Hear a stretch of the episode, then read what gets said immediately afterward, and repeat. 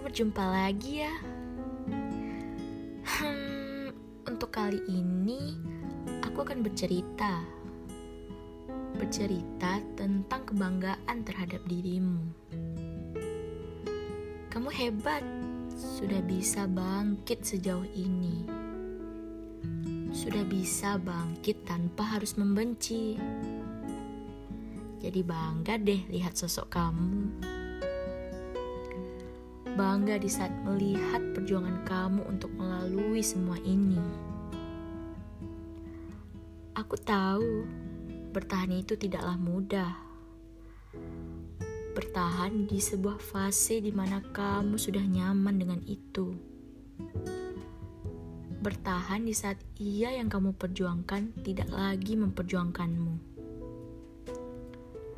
Terkadang harus menahan di saat ego sudah memuncak. Ternyata bertahannya dirimu harus berakhir, bukan? Di mana hari itu ia memutuskan untuk pergi dan mengucapkan selamat tinggal. Aneh, bukan? Semua pondasi yang sudah disusun dari nol harus runtuh di hari itu. Menangislah, tidak masalah kok. Menangis bukan berarti menandakan kamu lemah. Menangis juga bukan berarti menandakan kamu tidak bisa tanpa dia. Tetapi Menangis merupakan suatu bentuk mengekspresikan perasaan lega. Gak apa-apa kok, nangisnya cukup sehari aja ya. Iya sih ngomongnya gampang. Buat ngelakuinnya susah kan? Hehe, udah ketebak kok. Tapi gak apa-apa kamu sudah melalui fase itu. Yang terpenting, sekarang kamu sudah bangkit.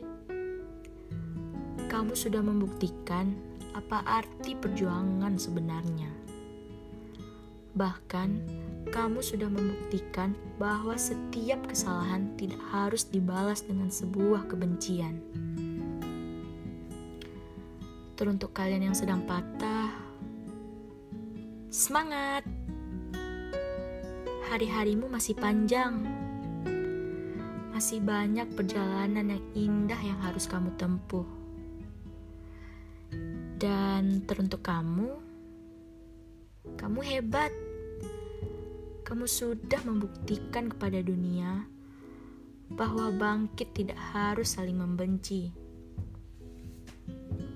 Selamat malam dari aku yang bangga melihatmu. Terima kasih. Sampai jumpa di berbagi kisah episode berikutnya. Semoga hari-harimu menyenangkan. Love much from me. Goodbye.